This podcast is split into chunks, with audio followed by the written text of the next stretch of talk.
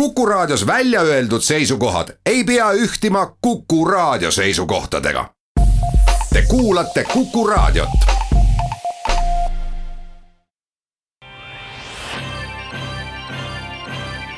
saade kaheksa minutit on kell üle kolme Kuku raadio saade nimega Saade jätkab ja selle saatetunni on ütlemata hea meel stuudios tervitada sotsiaalminister Tanel Kiik. tere, Tanel. tervist ja suur tänu tulemast sel kiirel ajal. käime kõigepealt värsked uudised numbriliselt üle, meil peaks olema tänase päeva seisuga kõigi testitute seas diagnoositud kakssada kaheksakümmend üheksa koroonaviirust.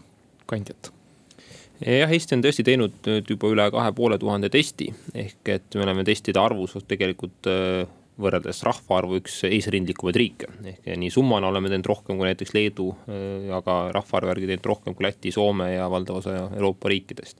ehk meil on päris hea ülevaade tegelikult sellest, äh, kui nii-öelda levinud see haigus on Eesti elanikkonna seas. ja loomulikult on see aidanud ka õigel ajal saada siis äh, ravi pakkuda neile inimestele, kes seda kõige kiiremini vajavad ja ka haiglaravi tõesti neile, kes hospitaliseerimise vajadusega on.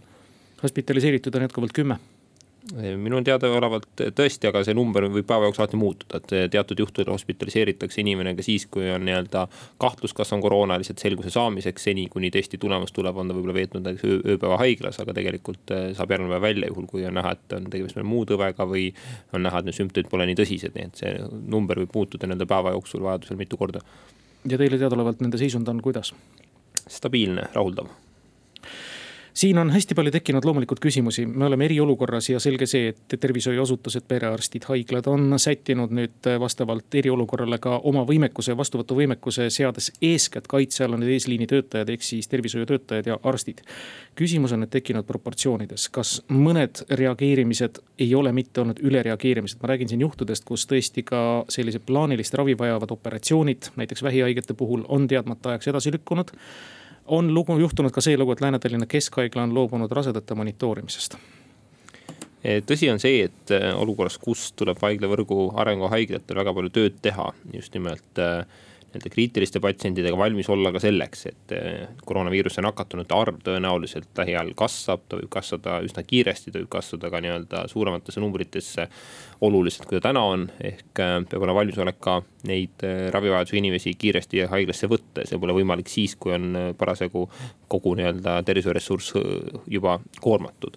mis puudutab vähiravi, siis siin on ikkagi selge teadmine, et, et vähiravi jätkub vastavalt raviarsti juhistele, juhendile. selge see, et sellise kriitilise ravivajadusega inimestega tuleb jätkuvalt edasi tegeleda, et seda ei ole võimalik edasi lükata, ehk see plaanitava ravi edasilükkamine tähendab seda, et lükatakse edasi neid tegevused, mille puhul ei ole ohtu inimese elule, tervisele, mis on tõesti võimalik teha ka näiteks mõne kuu pärast.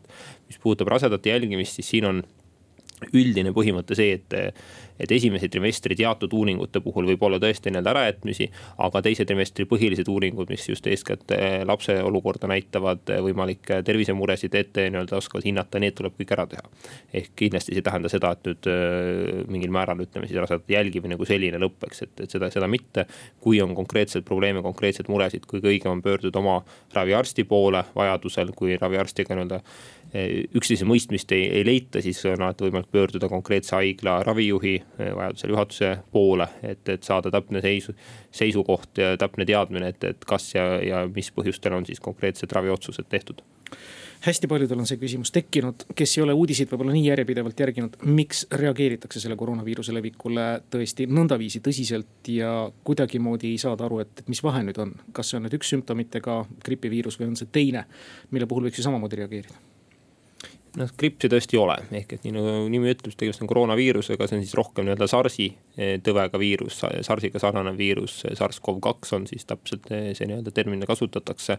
ja Covid-19 on see haigus, mida ta põhjustab. eeskätt on see reaktsioon mõnevõrra valulisem ja ütleme jõulisem seetõttu, et tegemist on lihtsalt uue, veel põhjalikult uurimata eh, viirusega samuti seetõttu, et äh, hetkel ei ole sellele ühtegi nii-öelda teaduspõhist, tõenduspõhist vaktsiini ehk tehakse küll esimesi nii-öelda katseid, aga reaalselt inimesteni see võib jõuda parimal juhul aasta lõpuks, võib-olla hiljemgi. ehk need inimkatsed ei saa kunagi alata enne, kui on veendutud ju reaalselt äh, vaktsiini turvalisuses ja veel vähem ei ole võimalik seda enne massidesse viia.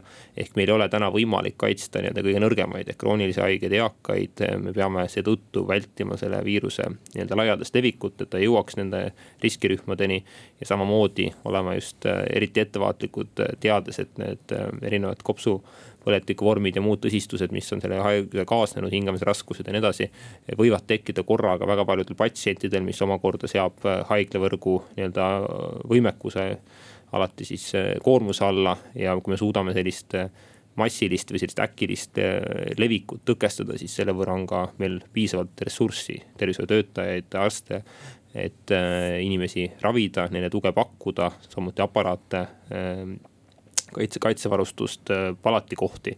ehk mis on see mure olnud, ütleme nendes riikides, kus ta nii-öelda väga kiiresti just nimelt kasvanud, on just tõesti see olnud, et äh, ei jõuta enam teenindada kõiki patsiente sellel tasemel, nagu nad vajaksid. ehk ei ole piisavalt isikukaitsevahendeid, ei ole piisavalt palatikohti, ei ole võib-olla piisavalt siis olnud hingamisaparaate, muid Äh, varustusi, samuti tervishoiuressursse on kas ise hakanud haigestuma, nakatuma. on olnud olukordi, kus tuleb siis hakata haiglates inimesi äh, karantiini määrama, ringi liigutama patsiente ehk et äh, tavapärane selline läbimõeldud professionaalne ravitöö asendub sellisel juhul juba väga palju sellise nii-öelda kiirreageerimisega, mis, mis paratamatult tähendab seda, et et on oluliselt suurem oht nii patsientidele kui, kui tervishoiutöötajatele just nimelt nii nakatuda, ristnakkused võivad tekkida. ja, ja see nii-öelda võimekuse piir ületatakse, mis tihtipeale toobki kaasa just nimelt ka äh, suurema hulga äh, meie seast lahkunuid suur tänu selle põhjaliku selgituse eest, seda oligi vaja teada. erakordselt nakkuv, ravimatu, ettearvamatu ja seetõttu siis ka kõik need üheksakümmend üheksa korda mõõda ja siis ükskord lõika abinõud. Te kuulate saadet seitseteist minutit on kell üle kolme, stuudios on sotsiaalminister Tanel Kiik. valitsuskomisjon kutsus kokku teadusnõukoja ja kinnitas selle liikmed, seda hakkab juhtima Tartu Ülikooli bio- ja siirdemeditsiini instituudi professor Irja Lutsar. mida täpselt on pandud ülesandeks sellele teadusnõukojale?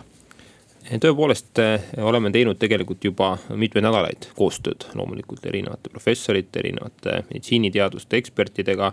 ja me oleme palunud äh, nii siis tõesti äh, valitsuskomisjoni kui sotsiaalministeeriumi poolt äh, seda komisjoni nii-öelda nõukogude juhtima Tartu Ülikooli bio- ja siirdemeditsiini instituudi professori Irja Lutsari kes omakorda on siis koostöös meiega välja pakkunud nõukogu liikmeteks Tervise Arengu Instituudi teadussekretär Kristi Rüüteli, Põhja-Eesti Regionaalhaigla ülemarsti ja ühtlasi Tartu Ülikooli kirurgiliste haiguste professori Peep Talvingu.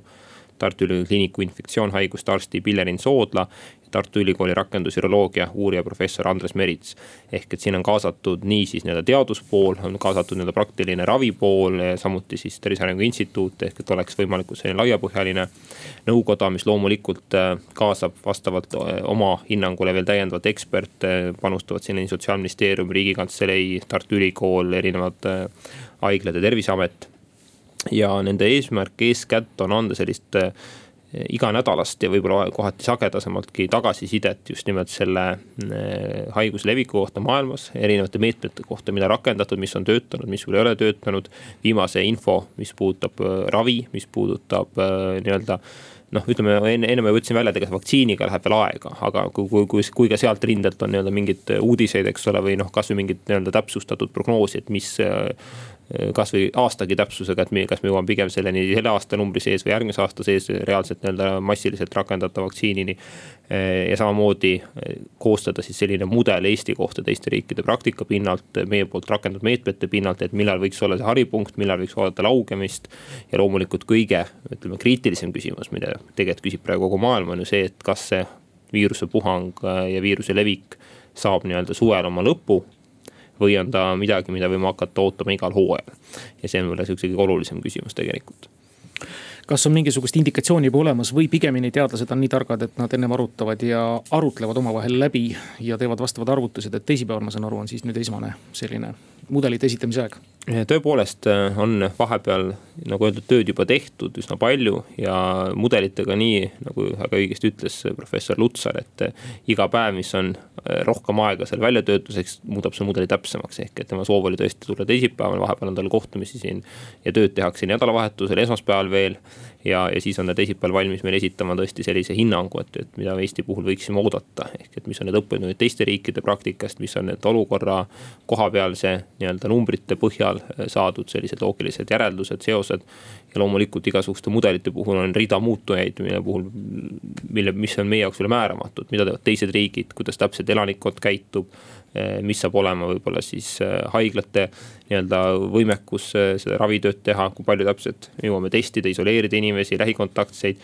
ehk et kindlasti me ei oota nii-öelda lõplikku tõde, aga me ootame sellist parimat, parimat teadmist, parimat prognoosi. me teame ja näeme seda, et viimastel päevadel on testide puhul see nii-öelda protsent, mis on olnud nakatunud, tegelikult langenud. mis ühest küljest on justkui positiivne näitaja, aga teisest küljest ei tohi ennast lasta sellest eksitada. ehk eelmistel nädalatel ilmselt üsna palju nende viiruse kandjaid äh, sai selgeks just seetõttu, et nad olid varasematel nädalatel siis tulnud äh, välismaalt erinevatelt puhkusereisidelt, on see õppe äh, kooli vaheajal, on see muudel reisidelt, kui toona veel liikumist ja turismi oli rohkem. ehk nüüd viimastel nädalatel järjest tekkinud võib-olla juhtumite järel hakkavad tulema üha enam kohapealsed nakatumisjuhtumid ja kohapealsed piirkondlikud kolded.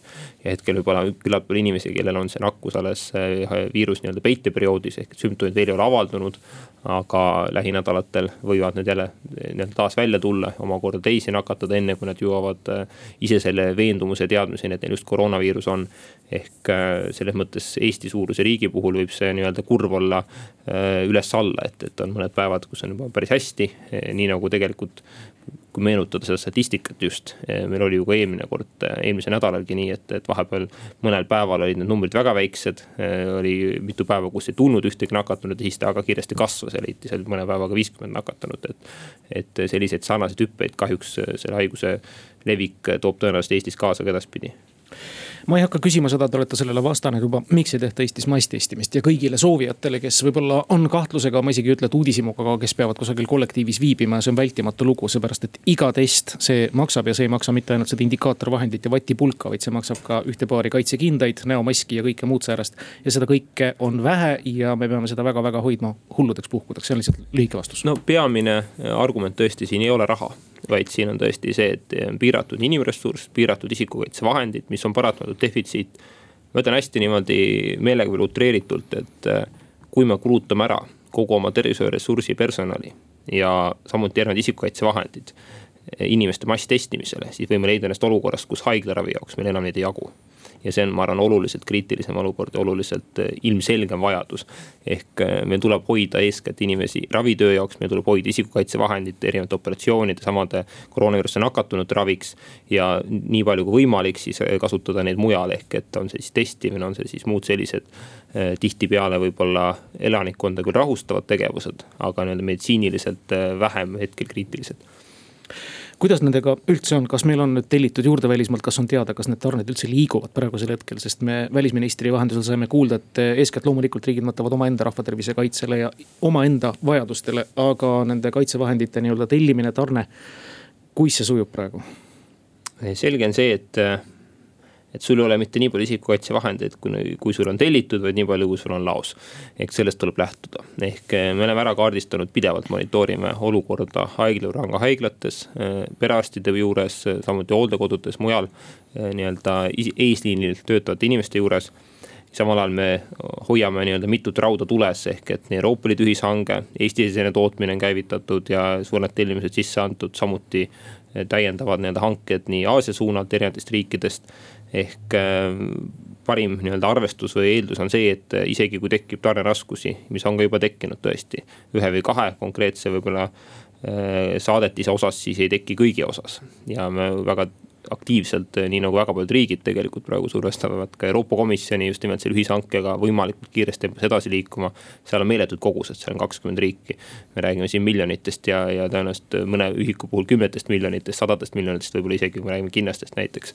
ehk eh, need kogused on meeletud, aga vajadus nende järgi ongi üle Euroopa, nii et see on, see on selline üldine terviseministrite väga selge soov ja, ja, ja surve Euroopa Komisjonile, et, et see hange jõuaks võimalikult kiiresti tulemusteni, meil on esimesed pakkujad tegelikult olemas.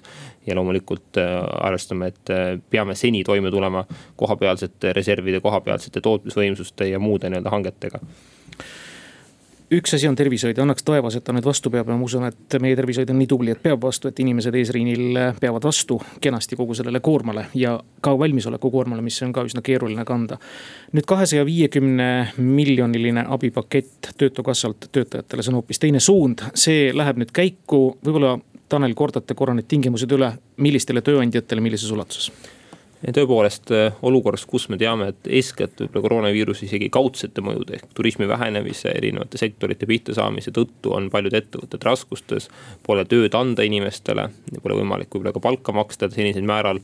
oleme otsustanud Töötukassa nõukogus ja Vabariigi Valitsuses käivitada sellise meetme mis annab võimaluse märts, aprill, mai jooksul siis äh, vastavalt igale ettevõttel kuni kaheks kuuks taotleda toetust äh, oma töötajatele eh, palga maksmiseks, juhul kui see ettevõte vastab eh, kriteeriumitele eh, ütleme kahe, kahele kriteeriumile kolmest. ehk kas on selle ettevõtte käive langenud võrreldes eelmise aasta sama kuuga kolmkümmend protsenti on tal kolmkümmend protsenti töötajaid eh, kodus ilma võimaluseta neile tööd anda, näiteks seetõttu, et on konkreetne spa või muu asutus lihtsalt füüsiliselt kinni ja pole võimalik eh, kaugtööd teha. või on ta olnud olukorras, kus ta on sunnitud rakendama töölepingu seaduse paragrahvi kolmkümmend seitse ehk vähendama tööd vähemalt kolmekümne protsendi töötajate palka vähemalt kolmekümne protsendi võrra. ja kõigil nendel kolmel juhul on siis õigus nende töötajate osas, keda see puudutab, saada toetust eh, kuni seitsekümmend protsenti töötaja senise kaheteist kuu keskmisest palgast aga mitte rohkem kui tuhat eurot töötaja kohta ja lisaks on siis tööandjal endal kohustus panustada vähemalt sada viiskümmend eurot, pluss siis sotsiaalmaks ja töötuskindlustusmaksu tööandja osa sinna juurde. ehk näiteks eh, tuhande viiesaja bruto, eurose brutopalgaga inimese puhul tähendab, et tööandjal tuleb talle maksta siis edaspidi vähemalt eh, tuhat ükssada viiskümmend. ja kui me räägime näiteks madalamapalgalistest, siis seal on see eh, palk juba mõnevõrra parem, ehk et näiteks miinimumpalga saaja loomulikult peab ka edaspidi saama selle miinimumpalga vähemalt näiteks seitsesada eurot. teeniv inimene peaks saama sama mudeli järgi Eh, suurusjärgus sama palga, mis ta enne sai. ehk et see meede on teadlikult nii töötatud, et ta ennekõike toetab eh, madala ja keskmise palgaga inimesi. ja jõukamate ühiskonna osa puhul on siis juba tööandja enda otsustada, et kas tal on võimekust maksta inimesele senist palka. või ta maksab seda nii-öelda tuhat eurot pluss siis sada viiskümmend enda poolt, tuhat ükssada viiskümmend eurot, et loogika on selles, et toetada eeskätt neid, kes võivad enim sattuda toimetulekuraskustesse, kellel ei ole reaalselt füüsiliselt piisavalt raha erinevate kommunaalkulude, laenude teenindamiseks. ehk et see meede toetab nii töö töötajaid kui ettevõtteid. ühe mehe firmad ja FIE-d ja nendega tegeleme veel eraldi, ehk FIE-de puhul on tõesti nüüd valitsus vastu võtnud otsuse, et äh, selle esimese kvartali sotsiaalmaksukohustuse nii-öelda riik nende eest korvab. aga töötukassa nõukogus arutasime pikalt, et kuidas saaks meie veel mingeid meetmeid teha. töötukassa äh, üldloogika on see, et äh, töötukassast saavad toetust need, kes on maksnud töötuskindlustusmaksu. ehk et see eeldab just nimelt seda, et eeskätt on töölepingud, ka käsunduslepingud, erinevad töövõtulepingud ja meil tuleb igal juhul tagasi tulla nende debattide juurde järgmiste nõukogude koosolekutel. me kogunesime see nädal eh, kokku viis korda. Eh, täna hommikul viimati, üksteist pool tundi oleme see nädal arutelust pidanud ja järgmine kord kohtume nüüd eh, kolmapäeval. ehk et igal juhul me arvestame sellega, et tõenäoliselt see rütm, kui tavaliselt töötukassa nõukogu koguneb üle kord kvartalis, saab nüüd olema hoopis teine.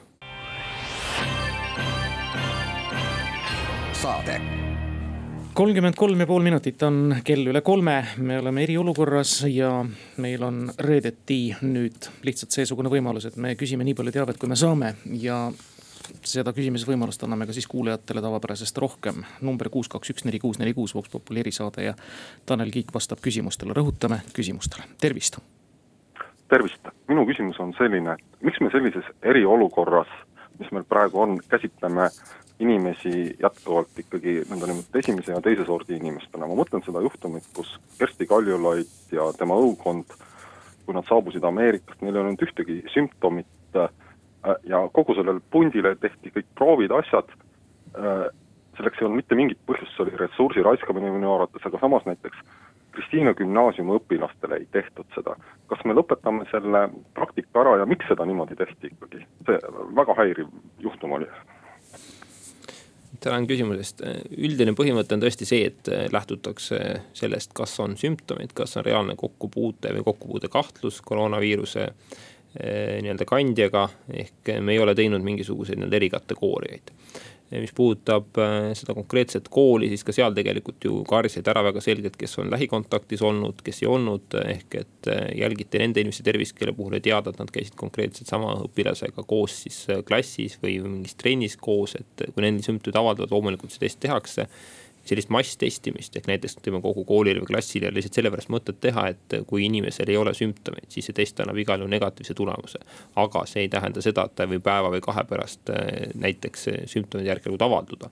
ehk peiteperioodil, mis võib olla siin keskmiselt viis kuni seitse päeva kuni kaks nädalat, selle ajal testimist teha ei ole mitte mingisugust mõtet, see annab inimesele valekindluse, arvamuse, et tal ei ole seda viirust. hiljem selgub, et tal on, siis ta on vahepeal võib-olla käinud just nimelt väga aktiivselt ringi avalikel üritustel mujal.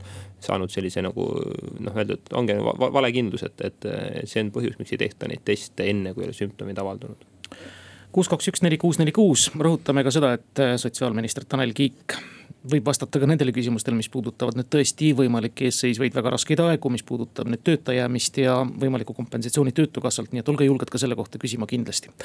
me kuulame järgmist helistajat, tervist. tervist, härra sotsiaalminister, Eesti pidi olema õigusriik, kas on teie pädevuses vahetada välja terviseameti juhid Öpiku ja Katai, kes andsid Milano võrkpalliklubile tulekuks Saaremaale loa ja peale selle vallandus tohutu koroonaepideemia. suur tänu. tänan küsimuse eest ma rõhutaks seda, et terviseamet ei korralda Eestis spordivõistlusi. ehk äh, selle võistluse korraldasid siiski kohapealsed organisaatorid kellel ka vastavalt äh, konkreetsele loale, konkreetsele juhisele oli selge vastutus tagada nii-öelda terviseohutus, tagada isikukaitsenõuete, tervisekaitsenõuete jälgimine ehk ma siin ütleks küll, et kui julged korraldada, siis julge ka vastutada, et eh, seda vastutust lükata nagu mujale ei ole päris korrektne. mis puudutab eh, Saaremaa olukorda, siis oleme üsna põhjalikult seda uurinud, seal on väga mitu erinevat nii-öelda teooriat, eh, arvestades seda, et Saaremaa mandri vahel pidevalt liigutakse, väga palju saarlasi ka ise viibisid Itaalias. ka konkreetselt seotud nende samade mängudega näiteks seetõttu, et mängud küll Itaalias ei toimunud, aga paljud inimesed olid oma piletid siin ära ostnud, samuti oli erinevaid muid üritusi, mis tõi kokku sinna publikut mitmelt poolt ehk äh, ei ole teaduspõhist teadmist, et just nimelt see võrkpalliturniir oli selle põhjuseks, seda ei saa välistada kindlasti. selle ürituse võib-olla toimumine ei olnud kõige parem mõte. Äh, sellega olen nõus, ka ministeeriumi hinnang pigem oli, et seda ei oleks pidanud toimuma. aga, aga ütleme nii, et äh, nii nagu iga muu ürituse korraldamisel, ürituse korraldaja peab vaatama, et ta suudab tagada tervisekaitsenõuded, ta suudab tagada inimeste ohutuse, turvalisuse, kõik muu, et seda vastutust veeretada kõike nii-öelda alati riigiasutustele ei ole korrektne kuulame järgmist helistajat, tervist. tervist, mul on konkreetne küsimus, nagu ma aru saan, on Eesti meditsiin praegu põlvili maas. kui praegusel momendil näiteks Sosnovi Boris üks tuumajaam lõhkeb ja tuul on Eesti poole mida siis veel Eestis teha oleks Eesti inimesele, maske ei ole, asju ei ole. ma olen Tšernobõlis käinud mees ja kujutan ette mida Eesti meditsiin teeb sel puhul, kui praegu tuleb veel üks kriis otsa? tuleb toime tulla, ehk loomulikult eh, praegune olukord juba tegelikult ongi pannud Eesti tervisesüsteemi suure koormuse alla, sest nagu varem olen rõhutanud, siis ega arstid, haiglad, eh, meditsiiniõed ei tegele ainult koroonaviirusesse nakatunute, nende testimise või tuvastamise või raviga, vaid meil tuleb ju tegelikult pakkuda ravi ja abi sadadele tuhandetele Eesti inimestele. ehk kes nii-öelda tuge vajavad kokku vajadusel kuni ühe koma kolmele miljonile kõigile Eesti elanikele.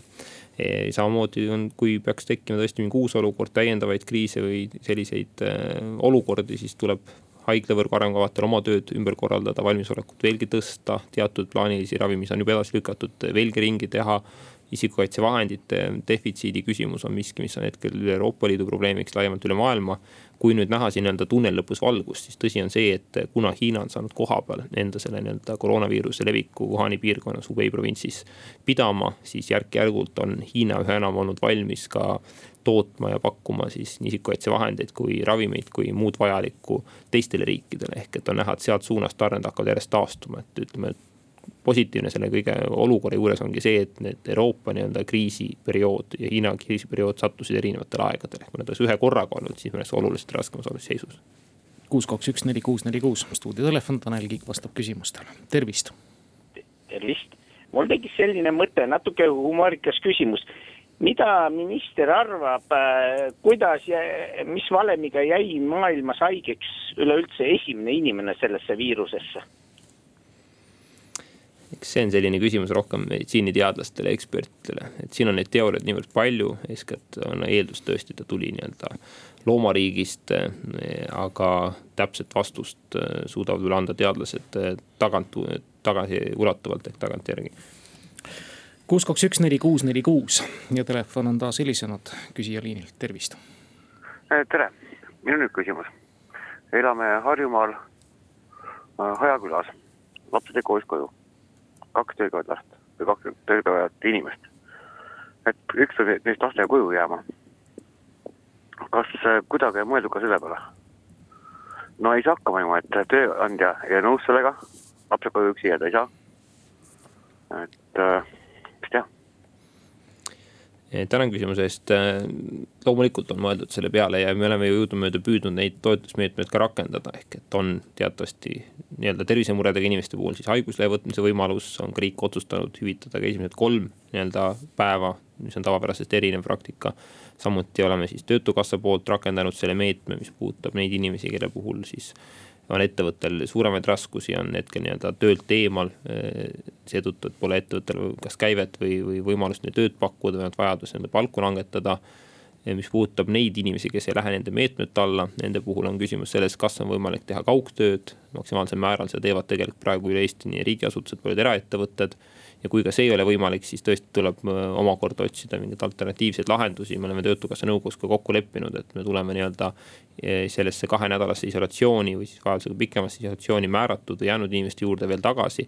sest hetkeseisuga meil tuli ära käivitada esimene meede eeskätt neile, kes äh, on tõesti siin juba koondamise ohus või, või väga pikaajaliselt teada, et, et märtsis-aprillis, võib-olla ka maikuus ei pruugi tööd üldse olla ja pakkusime neile vajaliku toetusmeetme välja, et anda kindlustunne ettevõtetele, et ei hakataks liiga nii-öelda ennatlikult neid ot raskeid otsuseid tegema, ei oleks inimesi tööta ja töötu, töötuna arvel. aga kindlasti Töötukassa nõukogu, nagu enne viitasin, mis kogunes see nädal viis korda, koguneb, ma arvan, järgmistel nädalatel ja kuudel ka samuti väga tihedasti. pakub välja veel täiendavaid toetusmeetmeid, täpselt nii nagu riik tervikuna, et toetada ka neid inimesi, kes olemasolevate või nüüd viimastel nädalatel käivitatud meetmete alla ei mahu kuus, kaks, üks, neli, kuus, neli, kuus, telefon on taas helisenud, tervist. tere päevast, mul on selline küsimus, et meil on olemas farmaatsiatehas, meil on olemas tähendab alkoholi tootmine ja meil on ka õmblustsehhid ja, ja need noh, ettevõtted. miks me ise koha peal ei tee neid maske ja, ja respiraatoreid ja, ja desinfitseerivaid vahendeid, miks me peame näiteks, jutt oli nüüd, et Hiinast oodatakse võib-olla me saame ka seal koroonat sealt Hiinast või ükskõik kuskohast et äh, tõene vastus on see, et kõiki neid kolme me teeme ka koha peal, ehk tehakse nii respiraatoreid koha peal, FFP3 tasemel tehakse puhastusvahendeid, põhiosas tegelikult äh, valmistabki kohapealsete nii-öelda haiglate hooldekodu vajadust äh, eestimaine tootja aga kui me räägime nendest ja samuti oleme tegelikult kaasanud tõesti õmblusettevõtteid ja muid, kes on põhiosas tegelenud seni võib-olla muude toodetega, aga on nende ennast ümber profileerinud, samuti isikukaitsevahendeid tootma, mis kindlasti ei vasta päris nii-öelda haigla standardile, aga annab teatud üle kaitse siis näiteks nakatunud patsiendile, kes saab seda kanda, et mitte seda omakorda eh, haigust edasi kanda. aga kahjuks siin tuleb vastu nii-öelda reaalne vajadus, ehk et me räägime numbriliselt, ühikuliselt, siis haigla, rangahaiglate reaalne Äh, ühikuline vajadus äh, ulatub, kui me räägime siin FFP2-dest, FFP3 respiraatoritest sadadesse tuhandetesse, kui me räägime siin lihtsamatest, äh, lihtsamatest näiteks kirurgilistest maskidest, siis me räägime siin suurusjärk ulatub kuni miljonitesse siin mõne kuu vaates samuti eh, kinnaste puhul me räägime siin võib-olla mitmest miljonist, mis on tegelik vajadus eh, sisuliselt ühe kuu jooksul kokku tervishoiusüsteemil. ehk need ühikud lihtsalt on kahjuks need, mis, mis eh, seavad, tulevad takistuseks, ehk kohalikud tootjad tootavad, töötavad ja toimetavad täisvõimsusel aga kogu seda vajadust, mis on kahekümne suuremal haiglal ja ligi kaheksasajal perearstil ja hambaarstidel ja lisaks oleme jõudnud veel hooldekodudenigi. et kõik, kogu seda vajadust katta ainult kohapealse tootmisvõimsusega kahjuks ei ole realistlik. samuti ei ole vajalikku toorainet nii palju. Te kuulate saadet nelikümmend seitse minutit on kell üle kolme. kuku raadio stuudios on sotsiaalminister Tanel Kiik ja hea võimalus helistajat teil küsida. Tanel Kiik vastab küsimustele tervist. tere, tere, härra minister, ma tahtsin küsida, meil piiri peal võetakse ära alkoholi ja neid konfiskeeritakse. miks need äh, visatakse ära, kas need ei võiks kuskil paaki koguda ja pärast hiljem teha nendest desolahused, millega saab desinfitseerida igasuguseid baktereid, kõik. Tänud, noh, ütleme see, mis peab seal piiri peal toimub, seda otsustavad Maksu- ja Tolliamet, Politsei- ja Piirivalveamet, teised ametkonnad. aga see, et me piiritluses toodame desinfitseerimisvahendeid, see on tõsi, ehk et tavapäraselt kasutatavat alkoholi on juba tihti asendatud just nimelt selle tõttu, et, et saada nii-öelda suuremaid koguseid hetkeseisuga ajutise vajadusega katta. nii et on kasutatud tõesti tavalist etanooli juba kohapeal puhastusvahendite tootmisel ja kasutatakse ilmselt ka lähikuudel. ja see, mis puudutab piiri peal konfiskeeritud, see on võõramaist päritolu, teinekord ka salakaubana tehtud ja valmistatud, me ei saa selle kvaliteedis olla kindlad. Me kuulame järgmist helistajat, tervist. tere, mul on selline küsimus, et äh, Linasadamas on sisse viidud äh, kontroll, aga see kontroll on, ma ei saa aru, mida kontrollivad, võetakse ID-kaart, kontrolli all on kindlad käes, aga niimoodi sadat inimest järjest, eks ole, kas siin ei ole oht, et see viirus kandub nende ID-kaardi edasi ja miks ta peab see kontrolli enda kätlusele võtma, kas ei piisa sellest, et ta näeb, et ma olen see isik? Tänan küsimuse eest.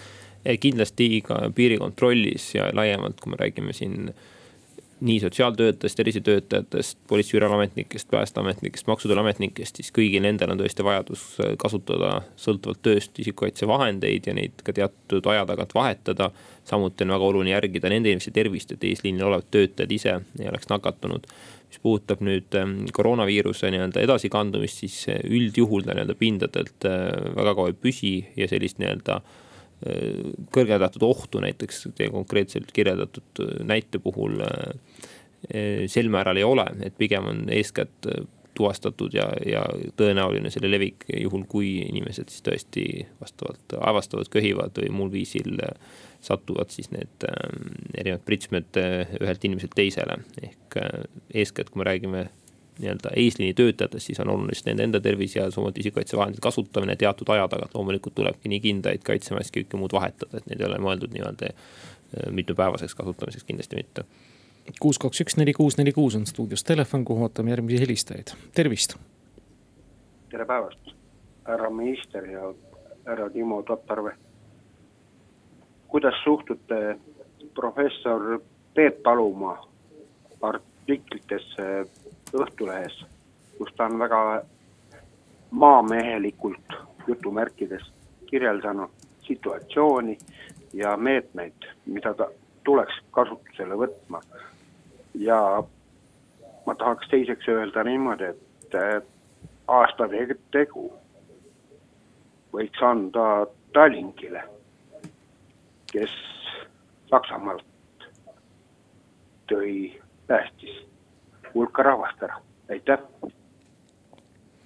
E, tänan küsimuse eest, e, loomulikult e, nii nagu Eestis on ka laiemalt maailmas väga palju nii-öelda teadlasi kaasatud erinevate otsuste tegemisse, meetmete rakendamisse. me oleme püüdnud oma sammudes, valitsuse otsustes tõesti maksimaalsel määral tõkestada viiruse levikut. samas hoidudes sellest, et me kogu nii-öelda ühiskondliku elu, majanduse nii-öelda päris välja suretame, sest me arvestame sellega, et just nimelt äh, läbi majanduse, läbi ettevõtluse, läbi igapäevase töö ju tegelikult meie riik püsib, on see siseturvalisus, on seesama tervishoiusüsteem, on samamoodi sotsiaalhoolekandesektor, haridusvaldkond, kes täna kaugtööl tõesti on nii-öelda koduõppel ehk äh, meil tuleb kõiki neid samme ja meetmeid, et rakenduse arvesse võtta, et äh, et igal otsusel on väga selged nii rahalised mõjud kui ka tegelikult mõjud ka tervishoiule, mõjud erinevate teenuste riiklikult oluliste elutähtsate teenuste kättesaadavusele. ja sellest oleme ka lähtunud ja seetõttu neid valikuid järk-järgult langetanud ja vastavalt vajadusele meetmeid kas siis lisanud, leevendanud ja, ja ilmselt tuleb seda teha ka lähinädalatel, võib-olla ka lähikuudel veel. mis puudutab ähm, siis Tallinkit, siis siin on teiega kahtlemata nõus, ehk et see koostöö on olnud väga hea, nad on tegelikult äh, tulnud nii-öelda äh, igas mõttes nende riigile appi nii mõistlike kohapealsete otsuste poolt, äh, mis puudutab just nimelt inimeste tervise säästmist, nakatumisohu vähendamist, kui ka siis nii-öelda oma olemasolevate laevade kasutamise osas. tean, et on ka pakkumisi näiteks, mis puudutab hotellide poolt vastavat vajaduse inimeste isoleerimiseks ehk erasektori panus üldse ja, ja käitumine, vastutustundlik suhtumine, selline koostöö siin on hästi oluline, täpselt nii nagu iga inimese enda panus sellele, et see eriolukord ja see koroonaviiruse levik võimalikult kiiresti lõpeks. kuus, kaks, üks, neli, kuus, neli, kuus ja uus helistaja on liinil, tervist. tervist. tervist vaata, mina kuulan nüüd kogu aeg ikka hädaldavad, et ei ole neid marlisid, noh või neid maskeid ja ka kuulsin siin üks öösel Kuku raadios rääkis üks arst või, või keegi teine ütles, et hambaarst, näed,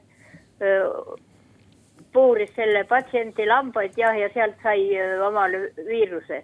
et küll olid kindad käes ja mask ees ja kõik ja aga need, ega need maskid ja kindad, ega need ükski ei aita, me ei tea, mis see viirus on. on teil küsimus proua ka? ikka kallale, et pane ta sinna, ei tea, mis see.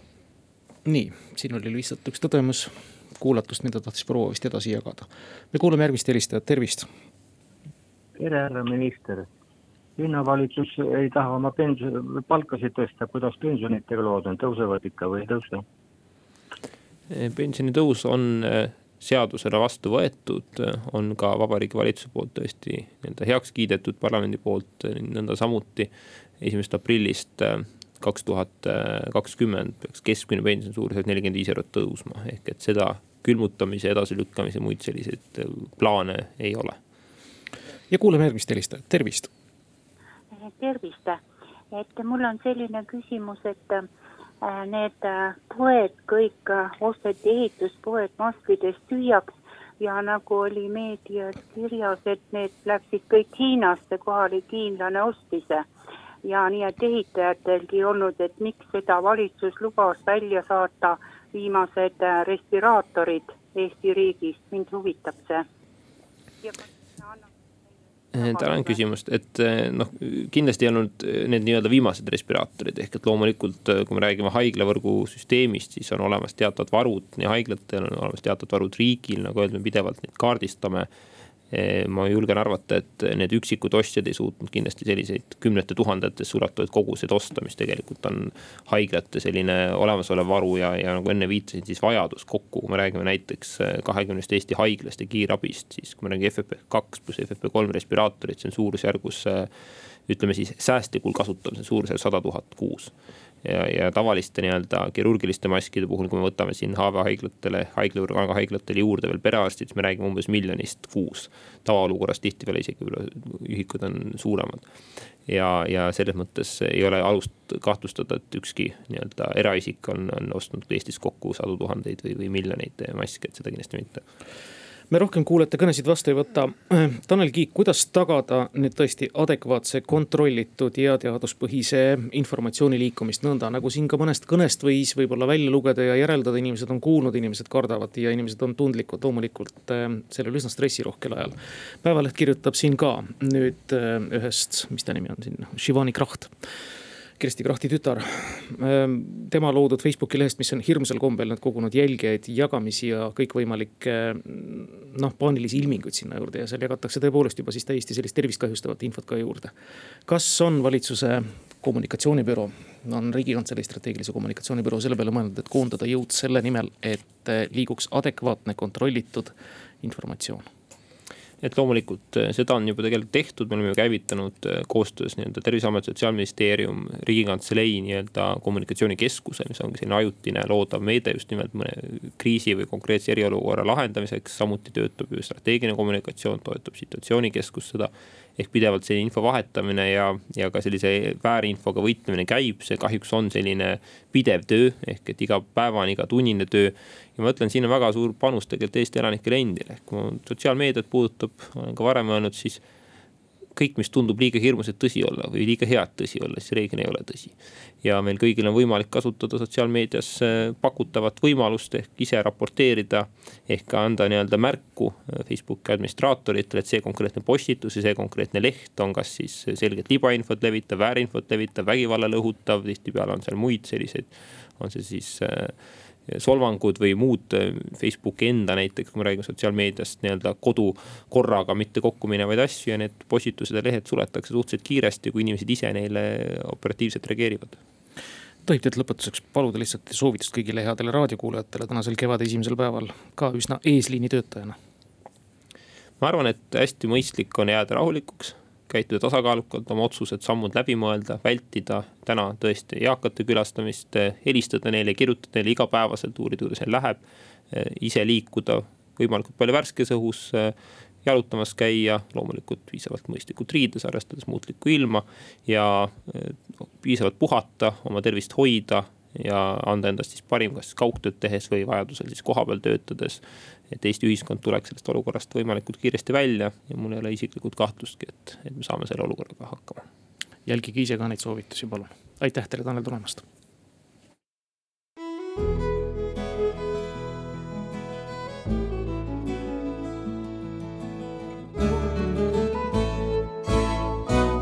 raadio Kuku